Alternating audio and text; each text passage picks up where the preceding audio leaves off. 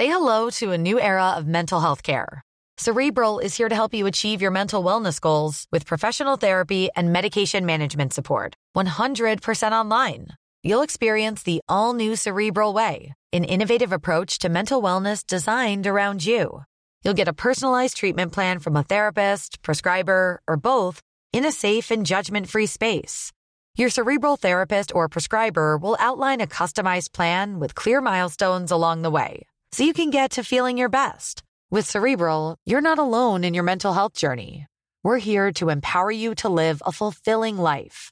So take that first step towards a brighter future and sign up today at cerebral.com slash podcast and use code ACasts to get 15% off your first month. Offer only valid on monthly plans. Other exclusions may apply. Offer ends July 31st, 2024. See site for details.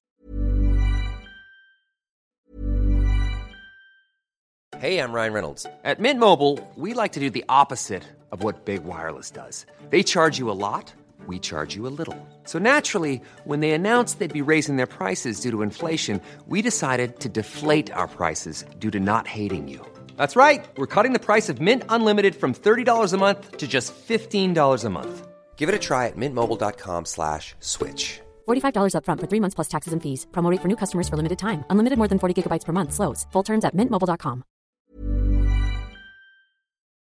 Da har vi akkurat spilt inn en ny episode av Aftenpodden USA, og denne uka er det bare ett tema eh, vi måtte ta opp, og det er Ron DeSantis. Nå har han lansert sitt presidentkandidatur, og det gikk enda verre enn vi hadde sett for oss.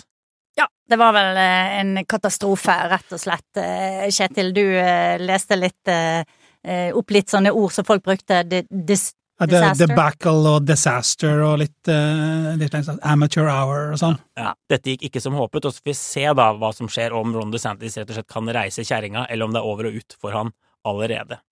Episoden finner du i Aftenposten-appen og hos Podme.